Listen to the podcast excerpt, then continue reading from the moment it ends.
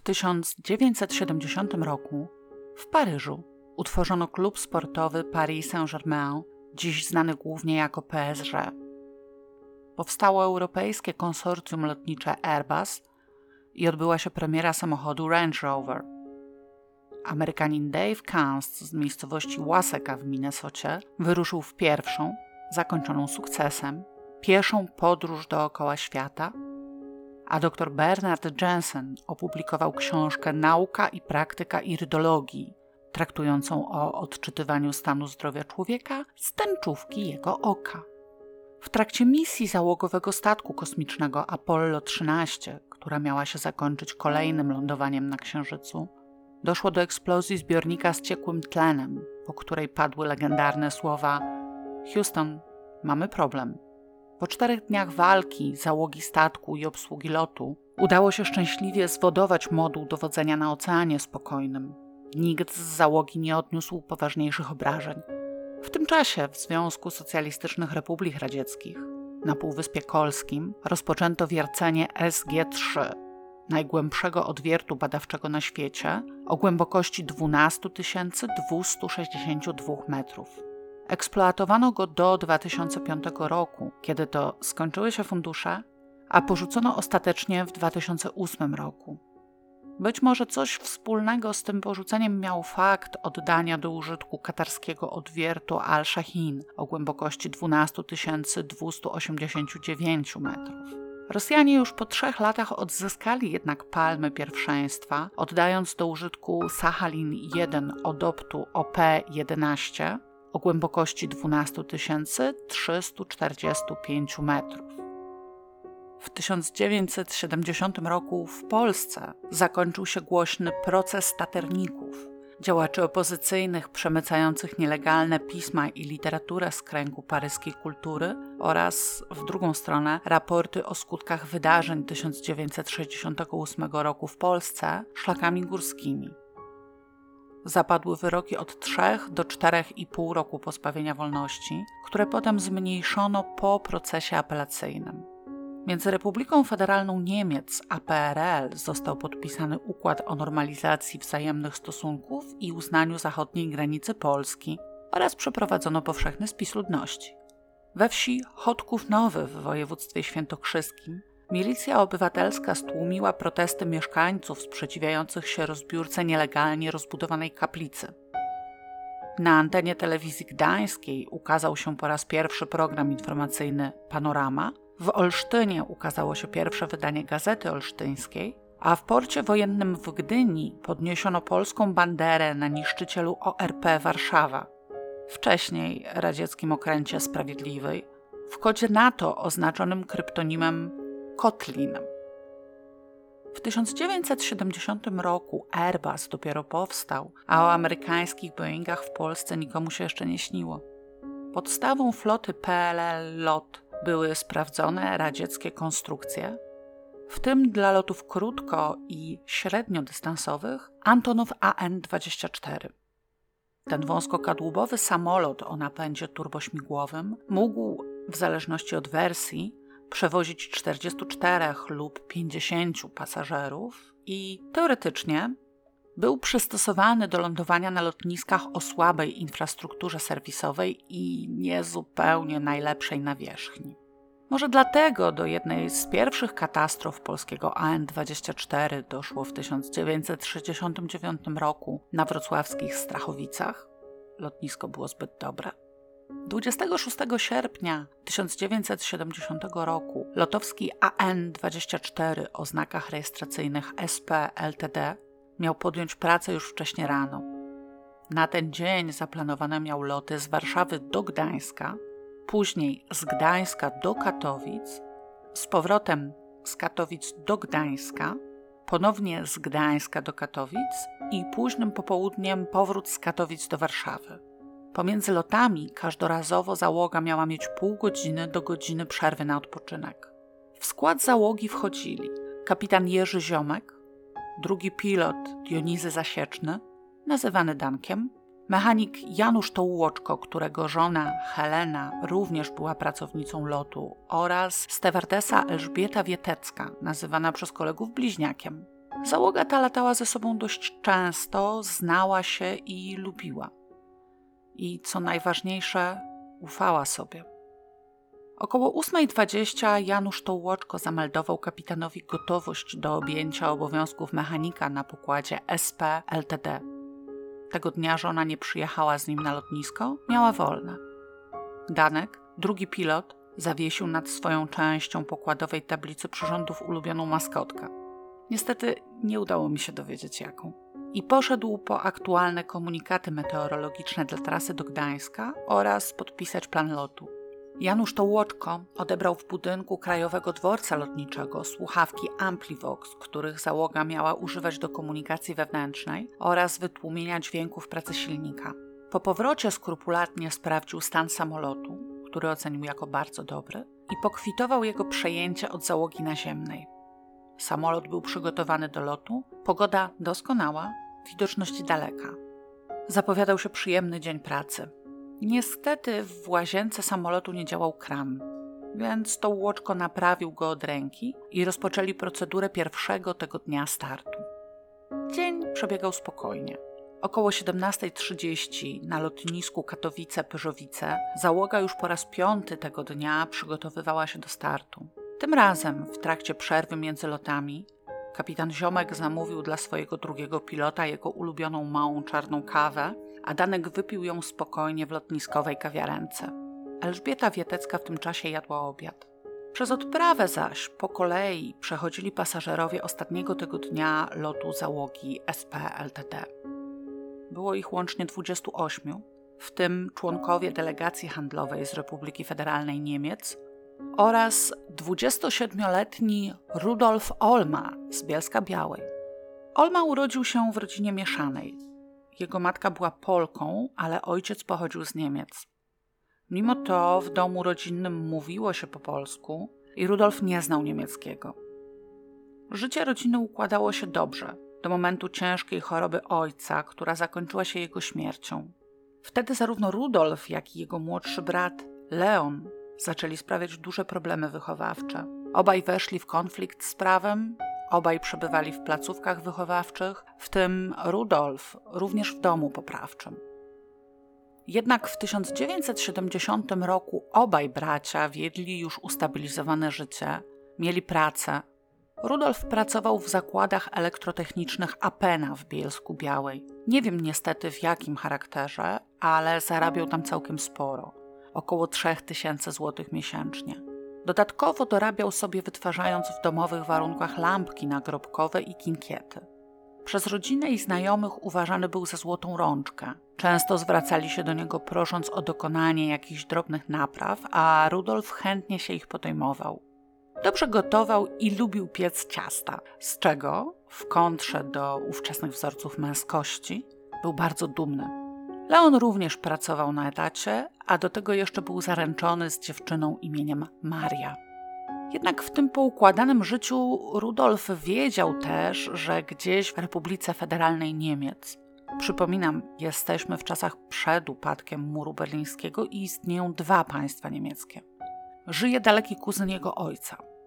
I choć wiedział też, że ojciec praktycznie nie utrzymywał z nim kontaktu, to jednak wyobrażał sobie, że ten napółmityczny krewny, gdyby tylko zobaczył go na swoim progu, natychmiast zapewniłby mu wszystko, co kapitalistyczny Zachód miał najlepszego. Rudolf Olma w wieku 27 lat, nadal nie znając niemieckiego, marzył o dostaniu się do Niemiec i z uwagi na pochodzenie ojca, sam zaczął się już uważać za Niemca. W odcinku T75-222 o sprawie Bogdana Biaseckiego tłumaczę pokrótce, jak skomplikowana była za czasów słusznie minionego ustroju procedura zdobywania paszportów.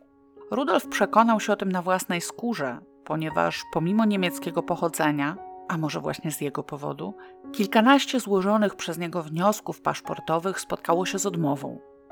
W końcu obsesyjny już zamiar wyjazdu przybrał u Rudolfa nieco inny kształt.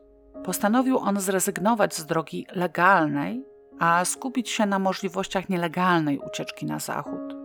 Wiedział przy tym, że przeprawa przez strzeżoną przez wojsko tak zwaną zieloną granicę jest niezwykle ryzykowna. Tymczasem, choć skąpe i cenzurowane, w prasie i programach telewizyjnych pojawiały się coraz częstsze informacje o kolejnych próbach uprowadzenia samolotów pasażerskich. Do pierwszego takiego uprowadzenia w okresie PRL doszło już w 1948 roku.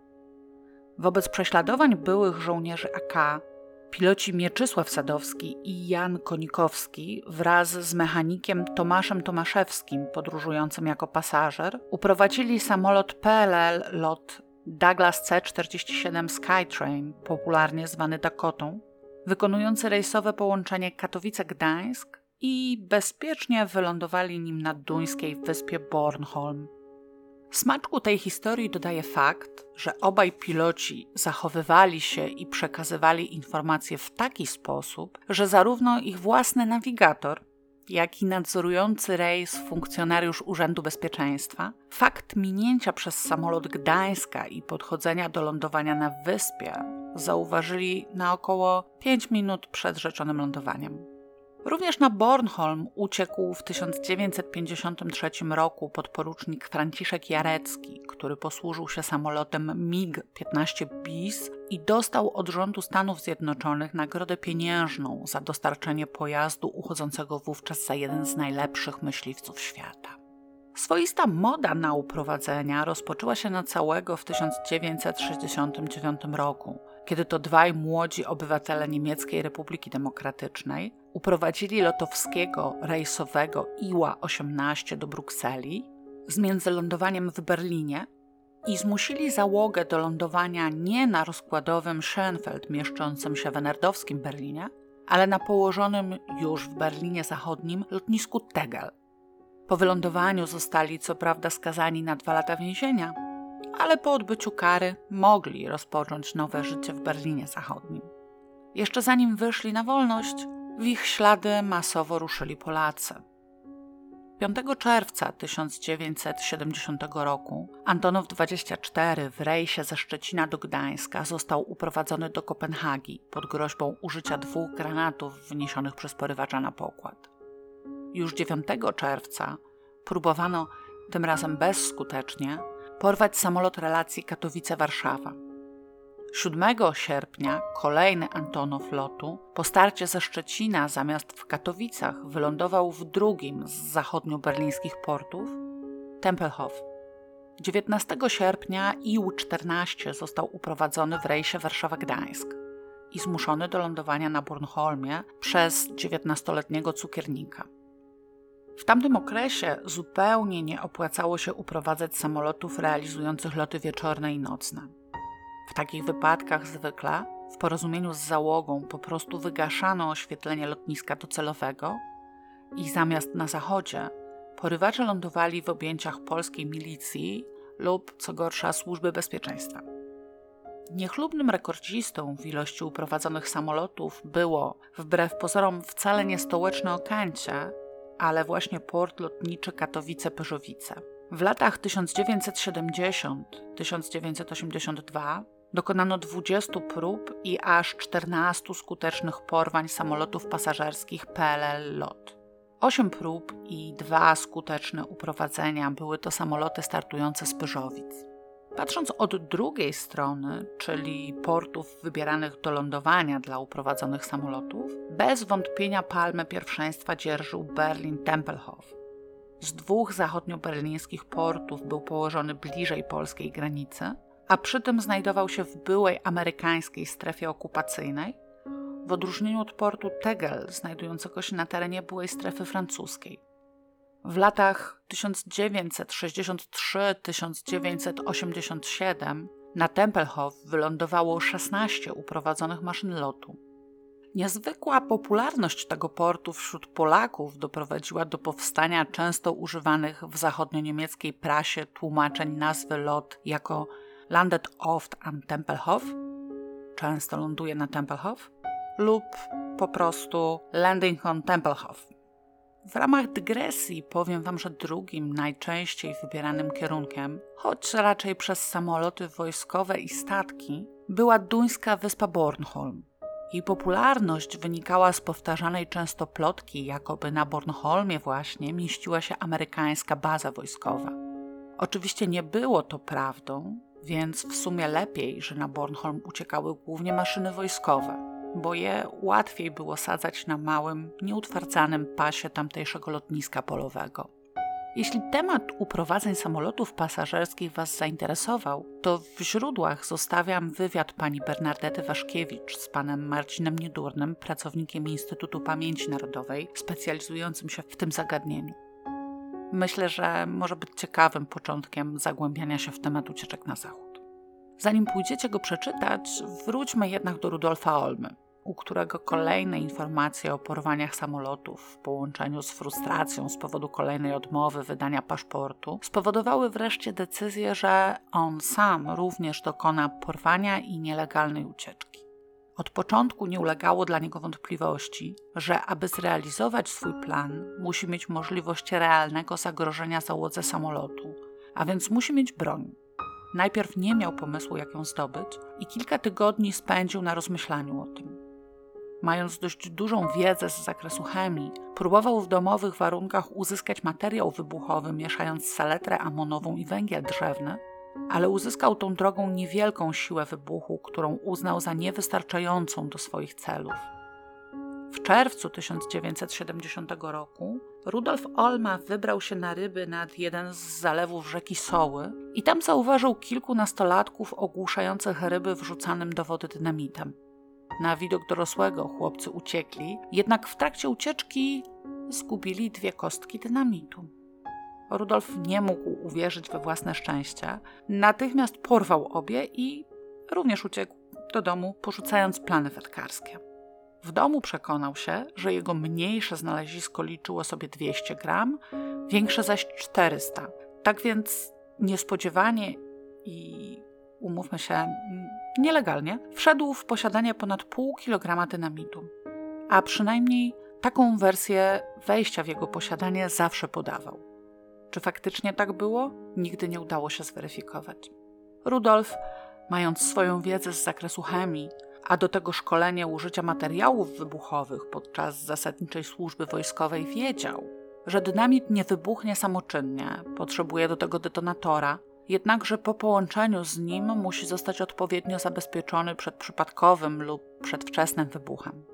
Pozwoliło mu to na przeprowadzenie kilku prób, by stworzyć optymalny, jak się wydawało, plan swojej bomby.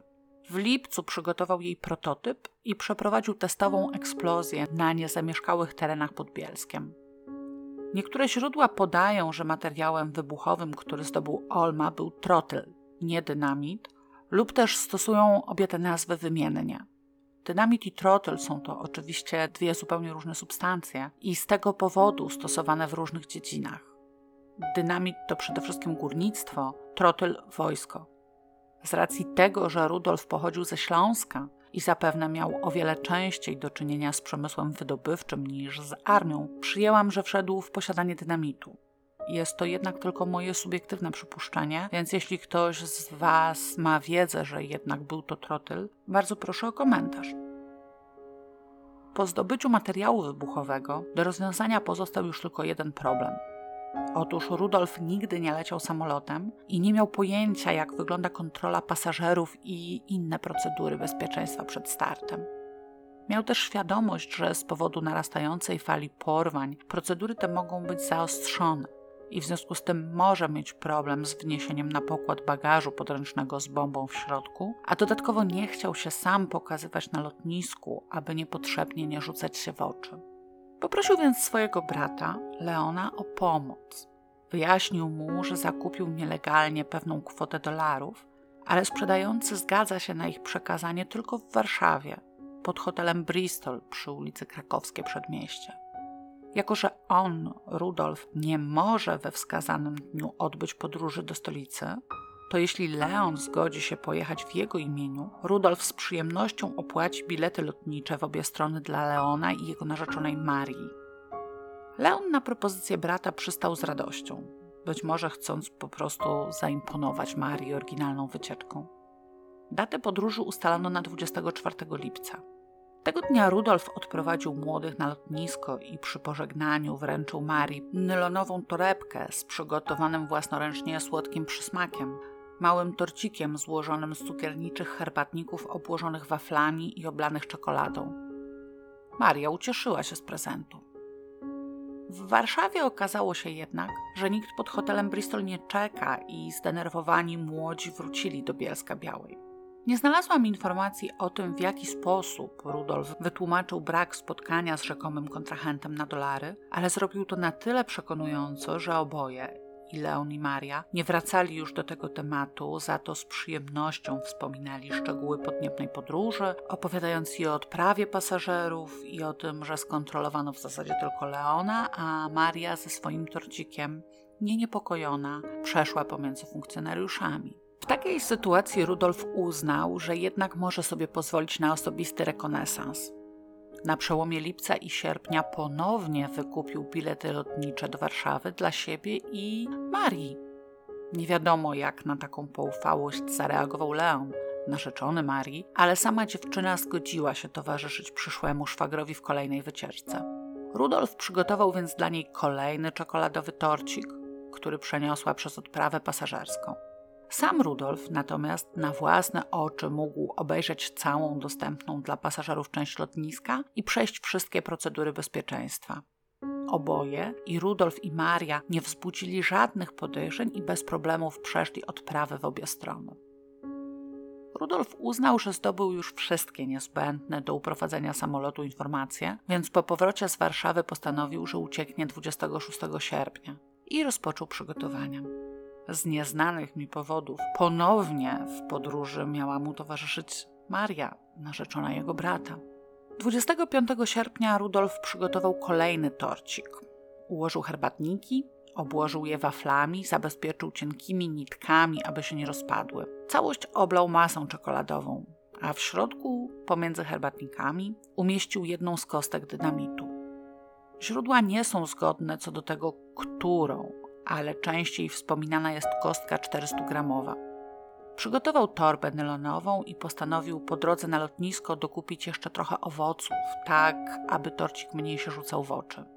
Marii to ciasto zrobione ze zwykłych, kupnych herbatników i najprostszej masy czekoladowej zwyczajnie nie smakowało i zastanawiała się nawet, czemu Rudolf, uznany cukiernik amator, przygotowuje coś poniżej zwyczajowego poziomu jego wypieków. Jadła jej jednak, żeby nie urazić Leona.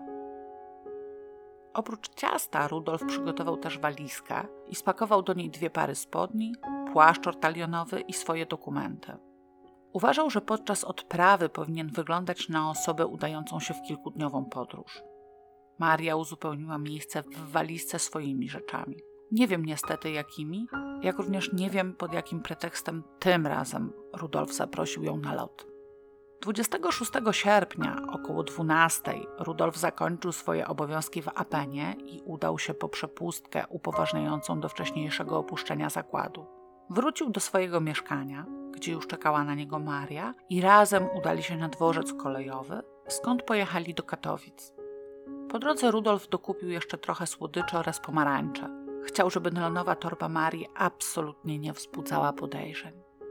W Katowicach poszli do biur polskich linii lotniczych LOT, gdzie kupili dwa bilety na rejs do Warszawy i skąd miał ich zabrać lotniskowy autobus. W trakcie oczekiwania Rudolf kupił jeszcze dla Marii kwiaty. Widząc jej zdziwienie i zmieszanie, zbył dziewczynę enigmatycznym stwierdzeniem: tak będzie ładniej. Do autobusu na lotnisko wsiedli jako pierwsi pasażerowie, dzięki czemu szybko pojawili się przy odprawie. Maria przeszła przez nią pierwsza, niezatrzymywana. Rudolf musiał oddać do kontroli bagaż oraz został poproszony na rewizję osobistą. Oba sprawdzenia przeszedł bez zastrzeżeń. Kiedy wyszli na płytę, Rudolf poszedł szybciej, tak aby do samolotu wejść jako jeden z pierwszych i móc zająć miejsce jak najbliżej kabiny pilotów. Udało mu się usiąść w czwartym rzędzie po lewej stronie koło okna. Maria usiadła obok od strony przejścia. Ze swoich miejsc oboje przyglądali się, jak Elżbieta Wietecka, stewardesa, przeszła z jakimiś papierami do kabiny pilotów, a po wyjściu z niej zamknęła przednie drzwi.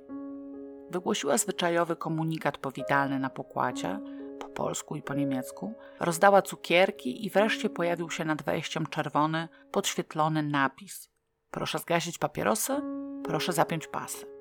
Stewardesa zwana bliźniakiem przeszła na swój pojedynczy fotel w ogonie samolotu i jako pierwsza usiadła na nim zapinając pasy. Tymczasem w kabinie kapitan Jerzy Ziomek zajął lewy fotel, tradycyjnie przypisany dowódcy statku, a jego pierwszy oficer, Dionizy Zasieczny, zasiadł w fotelu prawym. Podział obowiązków wśród pilotów zwykle wygląda tak, że jeden prowadzi samolot, a drugi korespondencję radiową. Tak więc kapitan Ziomek ujął stery, a pierwszy oficer zgłosił do kontroli lotów prośbę o zgodę na zapuszczanie silników przed lotem do Warszawy. Zgodę taką otrzymał od razu i obaj piloci nasunęli na głowy wierne amplivoxy, jeszcze zanim kabinę wypełnił narastający pomruk. Po otrzymaniu kolejnych pozwoleń AN-24 wykołował ze stanowiska i ustawił się na początku pasa, do startu wypuszczając klapy na 15 stopni. W kabinie pasażerskiej w tym czasie po prostu oczekiwano. Wreszcie Danek Zasieczny poprosił o zgodę na start i otrzymał ją również niezwłocznie. Kapitan Ziomek włączył rozhamowanie i ruszył przez kolejne punkty ze znanej na pamięć startowej checklisty. Za fotelem drugiego pilota stanął mechanik Janusz Tołoczko, opierając się o niego łokciem. Na ogół mechanicy podczas startu i lądowania siedzieli na swoim fotelu w tyle kabiny, ale Janusz tej reguły nie przestrzegał, ponieważ do jego obowiązków należało podawanie pilotowi odczytu szybkościomierza. Lubił mieć w trakcie tej czynności kontakt wzrokowy z osobą, do której mówił, tak, aby na bieżąco widzieć jej reakcję. Przy prędkości 140 km kapitan Ziomek poderwał stery przy 200, kiedy AN był już na wysokości 8 metrów, schował podwozie.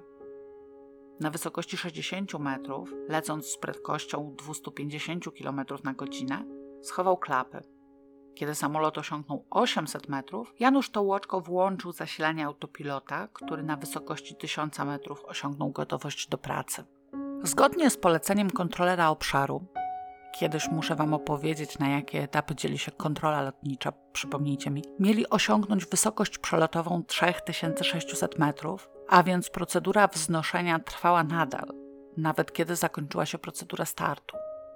A tą ukończono po osiągnięciu 1200 metrów, kiedy to AN wszedł na prawidłowy kurs. Danek zwiększył podawanie powietrza do kabiny pasażerskiej, a kapitan Ziomek kończył już ustawienia przyrządów. Za chwilę miał ogłosić Dankowi i pasażerom w kabinie, że wolno palić. Nie zdążył. W tym czasie pasażerowie rozluźnili się wyraźnie z powodu znalezienia się w powietrzu. Rudolf poprosił Marię, aby podała mu torbę ze słodyczami, którą wciąż miała na kolanach, a następnie wyciągnął z niej owinięte w celofan ciasto, rozpiął pas bezpieczeństwa, wstał i z naciskiem powiedział do niej: Puść mnie, puść. Maria pomyślała, że być może podczas startu poczuł mdłości i zaczęła się odwracać, aby go przepuścić, ale Rudolf nie czekał. Przepchnął się obok niej i ruszył do przodu samolotu. Zaniepokoiło to Elżbietę Wietecką, tyle tylko, że niestety jej fotel znajdował się w ogonie i widząc idącego do kabiny pasażera, dopiero rozpięła swój pas bezpieczeństwa. Tymczasem Rudolf stanął na wysokości pierwszego rzędu foteli, odwrócił się twarzą do pasażerów i unosząc prawą rękę z celofanową paczką z wyraźnym zdenerwowaniem zaczął mówić. Szanowni Państwo, proszę o zachowanie spokoju. Jestem uzbrojony w ładunek wybuchowy i ktokolwiek był w wojsku rozpozna kostkę trotylu. Żądam zmiany kierunku lotu do Wiednia. Czy faktycznie wydłubał dynamit z ciasta tak, żeby pasażerowie mogli widzieć, że jest to kostka? Nie wiem. Pasażerka Leokadia S., siedząca w pierwszym rzędzie foteli, usłyszała także drugą część jego wypowiedzi – kiedy to już spokojniej i ciszej dodał: Mam całą rodzinę w RFN, chcę do Wiednia, bo tam dziś na mnie czekają. A potem jeszcze coś o tym, że gdyby ktoś próbował strzelić mu w plecy, ładunek wybuchnie. Jak możemy się domyślać, skoro cała rodzina w RFN składała się z jednego kuzyna ojca, który o istnieniu Rudolfa prawdopodobnie nawet nie wiedział, to raczej nikt na niego w Wiedniu nie czekał. Pani Leokadia wychyliła się ze swojego miejsca i głośno, gdyż silniki już pracowały, zawołała: Czego pan od nas chce? Na co Rudolf krótko odparł: Do Wiednia. Elżbieta Wietecka, nie chcąc narażać pozostałych pasażerów, zrezygnowała z próby przedostania się do niego, cofnęła do ogona samolotu, gdzie na ścianie wisiał telefon pokładowy i sięgnęła po jego słuchawkę, żeby połączyć się z kokpitem. W kabinie pilotów w tym czasie Janusz Tołoczko wciąż stał za fotelami, wpatrzony w przyrządy, kapitan Ziomek zaś regulował radiokompas. Wtedy właśnie dostrzegł migający sygnał połączenia z telefonu pokładowego. Gestem nakazał pierwszemu oficerowi przyjęcie połączenia. Danek zasieczny zauważył sygnał chwilę wcześniej, ale nie odebrał, uznając, że bliźniak przesadza i na pewno niepotrzebnie chce im przerwać procedurę startu. Na polecenie kapitana jednak musiał połączenie przyjąć. Niezadowolony burknął oficjalnie: Słucham panią, ale zagłuszył go zdenerwowany głos Elżbiety. Panie kapitanie, pod waszymi drzwiami stoi człowiek z granatem, chce do Wiednia, bo jak nie to rzuci. Kapitan Ziomek tylko z pozornym spokojem odpowiedział: Dobrze, zrozumiałem. Przez jego głowę przemknęło mnóstwo myśli naraz. Muszę do niego wyjść, zorientować się, z kim mam do czynienia. Muszę zrobić wszystko dla dobra pasażerów, dla ich bezpieczeństwa, tak jak przewidują przepisy, tak jak nakazuje sumienie dowódcy statku powietrznego. Zamierzał przekazać swoją decyzję załodze, ale nie zdążył. Najpierw sięgnął do przycisku autopilota, żeby go wyłączyć. Wyłączenie automatyki sterowania spowodowało niewielkie, ledwo wyczuwalne drgnięcie samolotu. Dziób minimalnie się uniósł, kadłub pleciutko przechylił na lewe skrzydło. Kapitan chwycił wolant i odruchowo wyprostował maszynę. Niestety, spowodowany przez niego ruch był już znacznie silniejszy. Antonowem targnął wybuch. Wyrwane drzwi przedniego bagażnika i kabiny pilotów zwaliły się na stojącego między fotelami Janusza Tołoczko. Kabinę pilotów wypełnił ciemny, gryzący dym. Kapitan Ziomek, nie wypuszczając sterów, sięgnął do przycisku rozhermetyzowującego kabinę, ale ten nie zadziałał. Zaczął krzyczeć do pierwszego oficera: Okna, okna! Zasieczny jednak został ogłuszony wybuchem i kapitana nie słyszał. Dopiero widząc jego dłoń na przycisku rozhermetyzowania, zrozumiał, że kapitan chce pozbyć się dymu z kokpitu i rzucił się otwierać okno po swojej stronie. Tymczasem Tołoczko został uderzony w głowę wyrwanymi drzwiami i poleciał do przodu na tablicę przyrządów pokładowych. Ponieważ spadły mu słuchawki Amplivox, on również stracił słuch od siły wybuchu. Spod wyrwanych drzwi, zamroczony, wydobywał się dość wolno, tak więc kiedy w końcu udało mu się oswobodzić, w kabinie było już jaśniej po otwarciu przez Danka okna. Dla porządku przypominam, że samolot był dopiero w trakcie wznoszenia się na pułapie niewiele ponad tysiąca metrów, tak więc otwarcie okna było jeszcze bezpieczne, bo pomiędzy wnętrzem a zewnętrzem kabiny nie było jeszcze różnicy ciśnień. Odzyskawszy widoczność, Janusz niezwłocznie wrócił do obowiązków. Szybko skontrolował przyrządy silnikowe. Wszystkie wskazania były w normie. Przełożył więc manetki gazu do tyłu, aby zmniejszyć prędkość i zaczął odrzucać to, co wybuch wraz z drzwiami wrzucił do kabiny. Coraz silniej czuł zapach spalenizny, w którym dominowało coś podobnego do siarki. Przeszedł przez przedni bagażnik, odsunął szczątki ścianki działowej, niegdyś oddzielającej go od kabiny pasażerów, i zobaczył płomienia. Paliła się kabina. Poszycie samolotu w okolicy drzwi zostało poszarpane i zniszczone, a w miejscu, gdzie kiedyś był próg wejścia do kabiny pasażerskiej, ni to klęczał, ni to leżał zakrwawiony człowiek, próbujący się podnieść na prawej ręce. Lewa kończyła mu się na wysokości nadgarstka. Miał przypalone włosy i poszarpane ubranie. W momencie, kiedy samolot drgnął silniej po korekcie pozycji, zaskoczony Rudolf Olma upuścił dynamit. Odruchowo rzucił się, aby go z powrotem złapać. Prawdopodobnie chciał tylko odzyskać materiał wybuchowy, aby nadal grozić nim załodze i pasażerom. Zupełnie niechcący uratował wszystkim życiem. Gdyby dynamit wybuchł w kontakcie z kadłubem, na przykład po upadku na podłogę, najprawdopodobniej kadłub zostałby rozerwany. Wybuchł jednak w ręku Olmy, pozbawiając go dłoni i sporej części twarzy. Kiedy Olma zobaczył wydostającego się z kabiny pilotów mechanika, krzyknął do niego: Dobij mnie! To łoczko zatrzymał się, gotów mu udzielić pomocy, ale wtedy zauważył, że Olma manipuluje wokół siebie prawą ręką, tak jakby czegoś szukał. Uznał, że najwyraźniej szukał utraconej w wybuchu broni, a więc jest porywaczem. Ominął go więc i pobiegł w stronę płonącego poszycia kabiny, foteli pierwszych rzędów i stłumionych jęków pasażerów. Będąc wciąż w szoku, spróbował ugasić płonący fotel gołymi rękami, a potem własnym ciałem. Bez rezultatu. Wbiegł więc z powrotem do kokpitu, krzycząc do pilotów: Palimy się! Znów spojrzał na przyrządy silnikowe i zauważył czerwoną lampkę sygnalizującą awarię prądnic. Spróbował włączyć je na sieć, ale przycisk nie zadziałał. Krzyknął więc do pilotów jeszcze raz: Porywacz unieszkodliwiony! i wrócił do kabiny pasażerskiej. Kapitan odzyskał już częściowo słuch i usłyszał oba komunikaty. Wiedział, że samolot się pali, a porywacz jest unieszkodliwiony. Uznał, że najwyraźniej ktoś go obezwładnił, a ponieważ wskaźniki nie sygnalizowały żadnej awarii, domyślił się, że pożar spowodowany wybuchem musi dotyczyć pokładu, a więc być bezpośrednim zagrożeniem dla pasażerów. Tymczasem Janusz Tołoczko w kabinie pasażerskiej sięgnął po gaśnicę w miejsce, w którym powinna się znajdować, przyczepiona do kadłuba. Nie było jej tam. Zaczął szukać wśród rumowiska, tymczasem płomienie dotarły już do boków kadłuba. Dym znacznie utrudniał widoczność, więc mechanik sięgnął na wysokości pierwszego rzędu do wyłączników światła, aby choć trochę poprawić widoczność.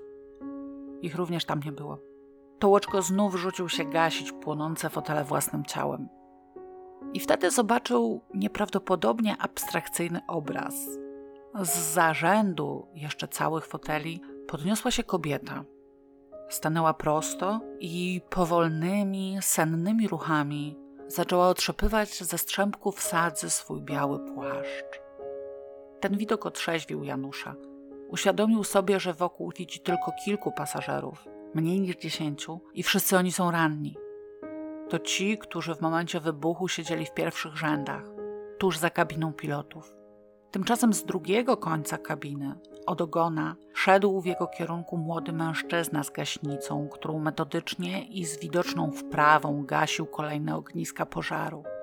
Tuż za mężczyzną szła stewardesa Elżbieta Wietecka, potargana i w poszarpanym mundurze. Chwilę wcześniej wyczołgała się spod drzwi toalety i wózka cateringowego, które wybuch rzucił wprost na nią. Znalazła gaśnicę, przekazała ją pierwszej osobie, która wyciągnęła po nią ręce, ewidentnie wiedząc, jak jej użyć, a sama potłukła butelki wody mineralnej z pokładowej kuchni, żeby choć minimalnie podnieść wilgotność powietrza i ułatwić oddychanie w kłębach dymu.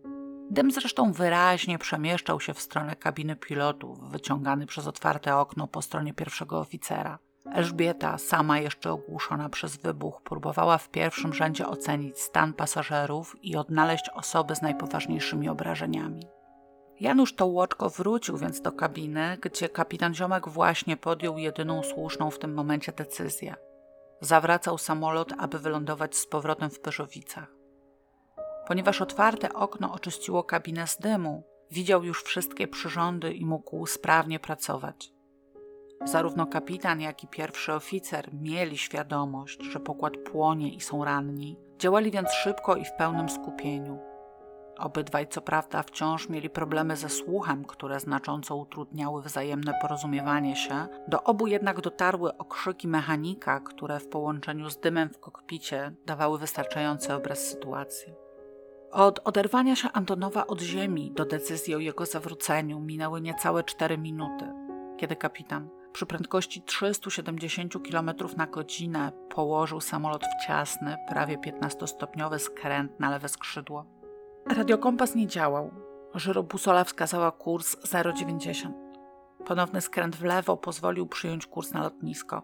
Danych zasieczny obserwował Ziemię i kiedy zauważył grupę małych jeziorek widocznych po jego stronie kabiny pilotów, wskazał kapitanowi ręką kierunek, w którym powinien się znajdować początek pyżowickiego pasa i dopiero wtedy uświadomił sobie, że skoro wybuch nastąpił przy drzwiach przedniego bagażnika, a w tej części samolotu, bliżej sufitu, znajdował się zbiornik paliwa, Wystarczy jego najmniejsze rozszczelnienie, aby cały Antonow SP LTD zamienił się w pochodnie wraz ze wszystkimi osobami na pokładzie. Danek uderzył w przycisk radiostacji. Uprowadzenie! Uprowadzenie! Palimy się! Mamy rannych! Awaryjnie schodzimy do lądowania! Zaczął krzyczeć. Niestety, huk silników i gwizd powietrza od otwartych okien niemal zagłuszył jego słowa. Kontroler zbliżania na katowickiej wieży nic nie zrozumiał i nieco bezradnie spytał: Kto wzywa wieżę? Zrozumieli natomiast piloci innego samolotu pasażerskiego w locie z Warszawy do Katowic, najwyraźniej już prowadzący korespondencję na częstotliwości pyżowieckiego zbliżania, i to oni przekazali wieży, że lot O-46 podchodzi do awaryjnego lądowania z porywaczem na pokładzie. Jednocześnie Danek cały czas krzyczał do radia: Uprowadzenie! Mamy rannych i pożar w samolocie! Przygotować straż i wszystko do lądowania! Schodzimy do lądowania! Dzięki pomocy kolegów z lotu Warszawa-Katowice, którzy jeszcze potwierdzili kontrolerowi, który konkretnie samolot wzywa pomocy, wreszcie Danek usłyszał wyczekiwane: O 46, wieża, zrozumiałem. Po około dwóch minutach od rozpoczęcia korespondencji wieża potwierdziła otrzymanie informacji o awaryjnej sytuacji na pokładzie. Kapitan Ziomek widział, choć niedokładnie słyszał, że Danek rozmawia z Ziemią. Zakładał, że bliźniak, jeśli nie jest poważnie ranna, będzie z pasażerami. Chciał natomiast ustalić, co robi mechanik pokładowy. Kiedy odwrócił się na chwilę w stronę wyrwanych drzwi do kabiny, Zobaczył przy nich Janusza, którego cały przód munduru pokrywała krew i osmalenia. Kapitan na ten widok spurpurowiał ze strachu. Janusz, widząc jak zmienia się twarz dowódcy, zasygnalizował uniesieniem do góry prawego kciuka, że z nim wszystko w porządku i zameldował, że ogień w kabinie pasażerów został opanowany. Pięć minut i dwadzieścia sekund po starcie kontroler zapytał: O 46, jak mnie słychać? Najwyraźniej warunki w kabinie uspokoiły się już na tyle, że kiedy Danek krzyknął: Schodzę do lądowania! usłyszał od razu: Zezwalam na lądowanie. Zasieczny dał więc znak kapitanowi Ziomkowi, który rozpoczął pospieszne zniżanie i wytracanie prędkości. Po 5 minutach i 50 sekundach prędkość spadła do 300 km na godzinę i Janusz Tołoczko, zasygnalizowawszy ręką, że odczyty przyrządów są w porządku, wypuścił podwozie i wysunął klapy. Danek, niegdyś pilot myśliwski, zameldował wieży podwozie o 46 wypuszczonej klapy też. Ląduj o 46, odpowiedział spokojnie kontroler. SP LTD zniżał się pod dużym kątem. Dochodząc do progu pasa startowego, wytracił prędkość do 210 km na godzinę. Danek zdążył jeszcze zawołać: Obstawę milicyjną, milicję! Postawić w pogotowie wszystkich! A kontroler odpowiedzieć: Zrozumiałem. Kapitan przyziemił, niezwykle łagodnie, wręcz delikatnie, jak na egzaminie. Janusz Tołoczko zaczął manewrować oporem śmigieł tak, by przy lekkim hamowaniu można było skręcić samolotem w stronę portu. Danek zameldował wieży. Jesteśmy na ziemi, kołujemy od razu pod port. Pogotowie ratunkowe, pogotowie ratunkowe. Zrozumiałem, odpowiedział kontroler. 8 minut i 35 sekund po starcie lotu O-46 Antonow SP LTD podkołował pod budynek dworca lotniczego Katowice-Pyrzowice. Kapitan Ziomek wychylił się z okna i widząc nadbiegającego milicjanta krzyknął: Pistolet odbezpieczyć, pistolet! Pamiętał, że porywacz może nadal mieć broń. Tymczasem Rudolf Olma cały czas leżał tam, gdzie upadł, przy drzwiach do kabiny pilotów i przedniego bagażnika i wykrwawiał się z ran ręki i głowy. Usłyszał wołanie kapitana i będąc wciąż przytomnym odpowiedział: Nie mam broni, to było 400 gram trotylu. Elżbieta Wietecka wyrzuciła już z drzwi wejściowych drabinkę ewakuacyjną i razem z Januszem, Dankiem i kilkoma mniej poturbowanymi pasażerami sprowadzali po niej pozostałe osoby z pokładu. Jedną z pierwszych ewakuowanych osób był mężczyzna ze skórzaną torbą na ramieniu. Kiedy tylko znalazł się na ziemi, zaczął ją rozpinać. Mężczyzną tym był Leopold Dzikowski, fotoreporter Sztandaru Młodych. W torbie miał dwa aparaty fotograficzne. Kiedy pierwszy zaciął mu się już przy pierwszym zdjęciu, drugim wykonał serię fotografii przedstawiających przerażonych i poranionych pasażerów, biegnących z pomocą pracowników portu, a nawet zalanego krwią Rudolfa Olme, znoszonego z pokładu pod eskortą milicjantów. Rudolf na zmianę błagał, żeby go dobić. Obiecywał, że gdyby wiedział, że tak się stanie, wszystko zrobiłby inaczej i prosił o morfinę. Został zabrany do szpitala wraz z innymi rannymi. Maria, towarzysząca mu narzeczona brata, której na pierwszy rzut oka nic się nie stało, była w głębokim szoku. Sprowadzona bezpiecznie na ziemię, wyrwała się z prowadzającym i rzuciła biegiem przed siebie. złapana i obezwładniona przez kilku pracowników portu, również została zabrana na badania. Państwowa Komisja Badania Wypadków Lotniczych ustaliła, że szanse uratowania życia ludzi na pokładzie były minimalne. Olma, kiedy kapitan Ziomek skorygował pozycję po wyłączeniu autopilota, wypuścił dynamit z właśnie unoszonej prawej ręki i natychmiast złapał go lewą. Wtedy właśnie przestało działać zabezpieczenie ładunku i nastąpiła detonacja. Gdyby doszło do niej tuż przy podłodze lub blisko ściany bocznej, nastąpiłoby przerwanie poszycia i samolot natychmiast utraciłby sterowność. Ponieważ jednak Rudolf złapał kostkę na wysokości około pół metra nad podłogą, kosztem własnej lewej dłoni zminimalizował siłę wybuchu. Jak zapisano w raporcie, po wybuchu nastąpiła dewastacja kabiny pasażerskiej, wyrwanie drzwi od bagażnika przedniego i kabiny załogi, zdarcie poszycia, opalenie foteli, uszkodzenie urządzeń radionawigacyjnych i radiokomunikacyjnych oraz przyrządów pokładowych. Stan ten przy równoczesnym ogarnięciu dymem nie tylko kabiny pasażerskiej, ale i załogi, co uniemożliwiało pilotom odczytywanie wskazań przyrządów, mógł doprowadzić do przekroczenia dopuszczalnych warunków lotu samolotu i w efekcie katastrofy. Komisja stwierdziła ponadto, że najważniejszym czynnikiem, który przyczynił się do zakończenia lotu O-46 bez ofiar, było opanowanie załogi i natychmiastowe podjęcie przez nią działań ratowniczych. Załoga z kolei, zeznając zarówno przed komisją, jak i wiosną 1971 roku podczas procesu Rudolfa Olmy, zgodnie dodawała, że ich precyzyjne i skuteczne działania nie byłyby możliwe bez pełnej współpracy ze strony pasażerów którzy wykonywali polecenia bliźniaka i nie podejmowali żadnych akcji na własną rękę oraz współpracowali ze sobą i z załogą wręcz wzorcowo. Właśnie podczas procesu Olmy Danek Zasieczny zeznał. Przyjmując, że poszlibyśmy na żądanie terrorysty, przy tej pogodzie moglibyśmy dolecieć do Wiednia. Na wszystkich liniach krajowych zadania dla załóg były jednoznaczne. Chodziło przede wszystkim o dobro pasażerów i ich zdrowie. Ten typ samolotu używany jest raczej do lotów na terytorium krajowym, ale bywało też, że latał za granicę. Niebezpieczeństwo zmiany kursu samolotu polega jednak na tym, że obcy samolot może wprowadzić zamieszanie w zaplanowanym rozkładzie.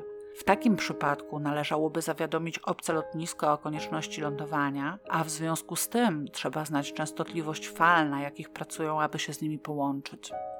Przypominam, że wciąż jesteśmy w 1970 roku i operujemy techniką z tego okresu. W dzisiejszych czasach, kiedy kontrola lotów na całym świecie używa radarów wtórnych, czyli takich, których wiązka zbiera i przekazuje na ekrany informacje z pokładowych transponderów, innymi dane samolotu, kierunek, prędkość i pułap lotu, nie ma już konieczności znajomości częstotliwości radiowej wieży, aby przekazać jej komunikat awaryjny. Każdy pilot przed startem otrzymuje indywidualny czterocyfrowy kod, tzw. Tak squawk, który wprowadza następnie do pokładowego transpondera, a transponder przekazuje go z powrotem na Ziemię wraz z danymi lotu. Zwyczajowo przy zmianie zasięgu pomiędzy dwoma organami kontroli lotów, wieża przejmująca samolot podaje mu też nowy kod, który kapitan natychmiast wprowadza i utrzymuje do momentu opuszczenia zasięgu lub otrzymania polecenia jego zmiany. Kody Squawk składają się z cyfr od 0 do 7, z tym, że indywidualny kod samolotu nie może się kończyć na 00. Kody zakończone dwoma zerami to bowiem kody specjalne sygnalizujące jakąś nietypową sytuację. I tak, Squawk 7700 oznacza ogólne niebezpieczeństwo na pokładzie. 7600 awarię radia i niemożliwość prowadzenia komunikacji radiowej. Zaś 7500 porwanie. Istnieje nawet dość ponury angielski wierszyk mnemotechniczny umożliwiający zapamiętanie tych liczb. 7-5 Man with Knife 7-6 Radio Fix 7-7 Go to Heaven. Tak więc, gdyby lot realizowany był dziś, po usłyszeniu od bliźniaka, że pod drzwiami kokpitu stoi porywacz z granatem, kapitan Ziomek prawdopodobnie ustawiłby na swoim transponderze Squawk 7500 i czekał, aż wieża sama odnajdzie jego częstotliwość radiową i zgłosi się z pytaniem, co się stało i jakiej pomocy potrzebuje. Wówczas, w 1970 roku, choć ilość paliwa na pokładzie pozwalałaby na lot do Wiednia, załoga musiałaby się połączyć z kontrolą lotów w Warszawie przedstawić sytuację, ustalić plan lotu i czekać w powietrzu na czechosłowacką, a potem austriacką zgodę na przeprowadzenie całej operacji. Wybuch jednak im to uniemożliwił i nie pozostawił miejsca na żadną inną decyzję oprócz tej, którą podjęli powrotu do portu Katowice-Pyrzowice. Podczas procesu przed Sądem Wojewódzkim w Katowicach Rudolf cały czas podkreślał, że nie chciał nikogo zabić. Chciał tylko zagrozić załodze, aby spełnili jego żądanie. Sprzeczność z tym, co krzyczał, kiedy osiem miesięcy wcześniej znoszono go z pokładu Antonowa, jakoś mu umknęła. Nie to jednak było najgorsze. Otóż swoją linię obrony Rudolf Olma oparł na stwierdzeniu, że to nie on spowodował wybuch, tylko pilot, specjalnie manewrując samolotem tak, żeby go przewrócić i zmusić do wypuszczenia ładunku. Być może teoria ta miałaby szansę zostać przyjęta, gdyby oprzeć ją tylko na tym, w jaki sposób Olma trzymał ładunek, grożąc nim pasażerom. Otóż do płytki plastikowej oddzielającej blaszki przerywacza przymocował kawałek sznurka, a pętelkę z tego sznurka założył sobie na palec. Kiedy upuścił ładunek, płytka zaczepiona o palec została w jego dłoni, a blaszki przerywacza zetknęły się, powodując zamknięcie obwodu elektrycznego i detonację. Konstrukcja ta nie była jakoś specjalnie mądra, ale jak się okazało, skuteczna już przy najsłabszym przechyleniu samolotu. Rudolf nie wiedział jednak, naprawdę nie wiedział i był tą informacją bardzo zaskoczony, że na pokładzie samolotu znajdowały się czarne skrzynki, z których jedna rejestrowała wskazania przyrządów pokładowych podczas całego lotu. Na podstawie jej odczytu najpierw komisja, a później sąd jednoznacznie stwierdziły, że nie jest prawdą, jakoby Antonow bezpośrednio przed wybuchem gwałtownie zmienił położenie. Prawdą jest natomiast to, co zeznał jego dowódca, że zmienił położenie nieznacznie, w sposób, który mogło spowodować wyłączenie autopilota i korekta lotu po tym wyłączeniu. Jak wprost napisała w swoim raporcie Państwowa Komisja Badania Wypadków Lotniczych, ewolucji samolotu nie stwierdzono.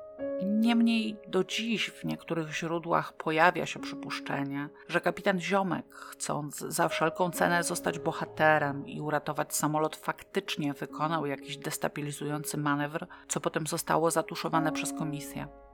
Dla mnie brzmi to niezwykle mało prawdopodobnie, ponieważ pilot z jego stażem i doświadczeniem musiał zdawać sobie sprawę, że próbując manewrem samolotu wytrącić porywaczowi domniemany granat, a w rzeczywistości ładunek wybuchowy, ryzykuje właśnie to, do czego nie dopuścił Olma, chwytając ręką dynamit. Wybuch przy podłodze lub ścianie, rozerwanie poszycia i śmierć pasażerów, za których życie i zdrowie były odpowiedzialne. Rudolf Olma stanął przed sądem już po opuszczeniu szpitala.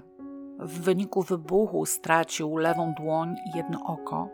Ponadto części samolotu poważnie poraniły jego twarz, głowę i klatkę piersiową. Po zaledwie 13 dniach procesu został uznany winnym dopuszczenia się aktu terroru i uprowadzenia polskiego statku powietrznego i za czyn ten skazany na 25 lat pozbawienia wolności. Przed ogłoszeniem wyroku przeprosił wszystkich poszkodowanych. Jego skrucha robiła wrażenie szczerej.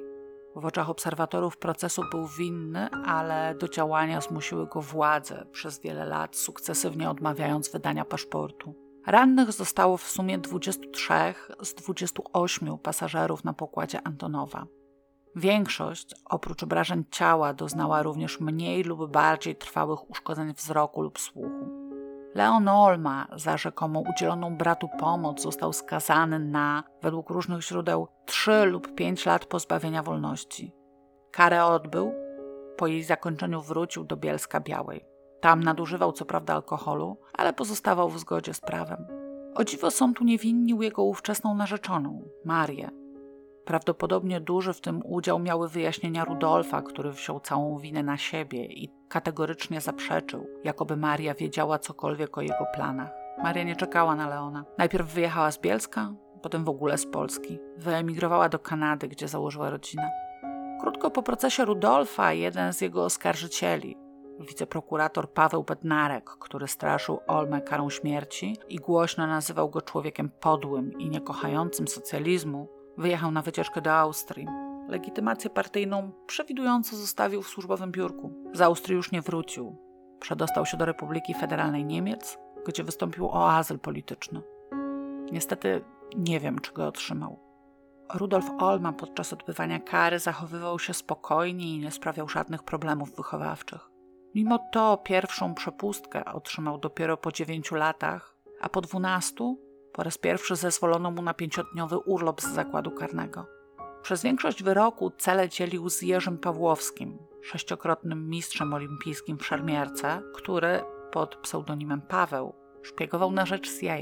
Za dobre sprawowanie Rudolf Olma został zwolniony po odbyciu 17 z 25 lat kary w 1988 roku, pomimo, a może właśnie dlatego, że władza ludowa chwiała się już w Polsce w posadach, już kilka miesięcy po zwolnieniu otrzymał paszport. Wykupił w Orbisie wycieczkę do Hamburga i, jak łatwo możecie się domyśleć, już z niego nie wrócił. Zamieszkał we Frankfurcie, gdzie otrzymał małe mieszkanie socjalne, pokój z kuchnią. Początkowo pracował nielegalnie, dość szybko jednak udało mu się znaleźć legalną, stałą pracę. Społecznie zajmował się ochroną grobów żołnierzy niemieckich. Wypracował skromną emeryturę, którą umila sobie sklejaniem modeli samolotów. Zapewne nie było to najłatwiejsze zajęcie dla osoby z jedną ręką, ale kiedy już w XXI wieku odnalazł go i odwiedził dziennikarz radiowy i dokumentalista Cezary Orzech, modeli tych Olma miał już kilkaset. A na powitanie gościa z Polski upiekł tort czekoladowy. Załoga lotu O-46, kapitan Jerzy Ziomek, pierwszy oficer Dionizy Zasieczny, mechanik Janusz Tołłoczko i stewardesa Elżbieta Wietecka otrzymała odznaczenia państwowe. Kapitan Krzyż Kawalerski Orderu Polonia Restituta. Załoga Złote Krzyże Zasługi. Jako jedna załoga nie polecieli już nigdy, ale wielokrotnie spotykali się ze sobą w załogach różnych rejsów. Zachowali też dobre relacje na gruncie prywatnym.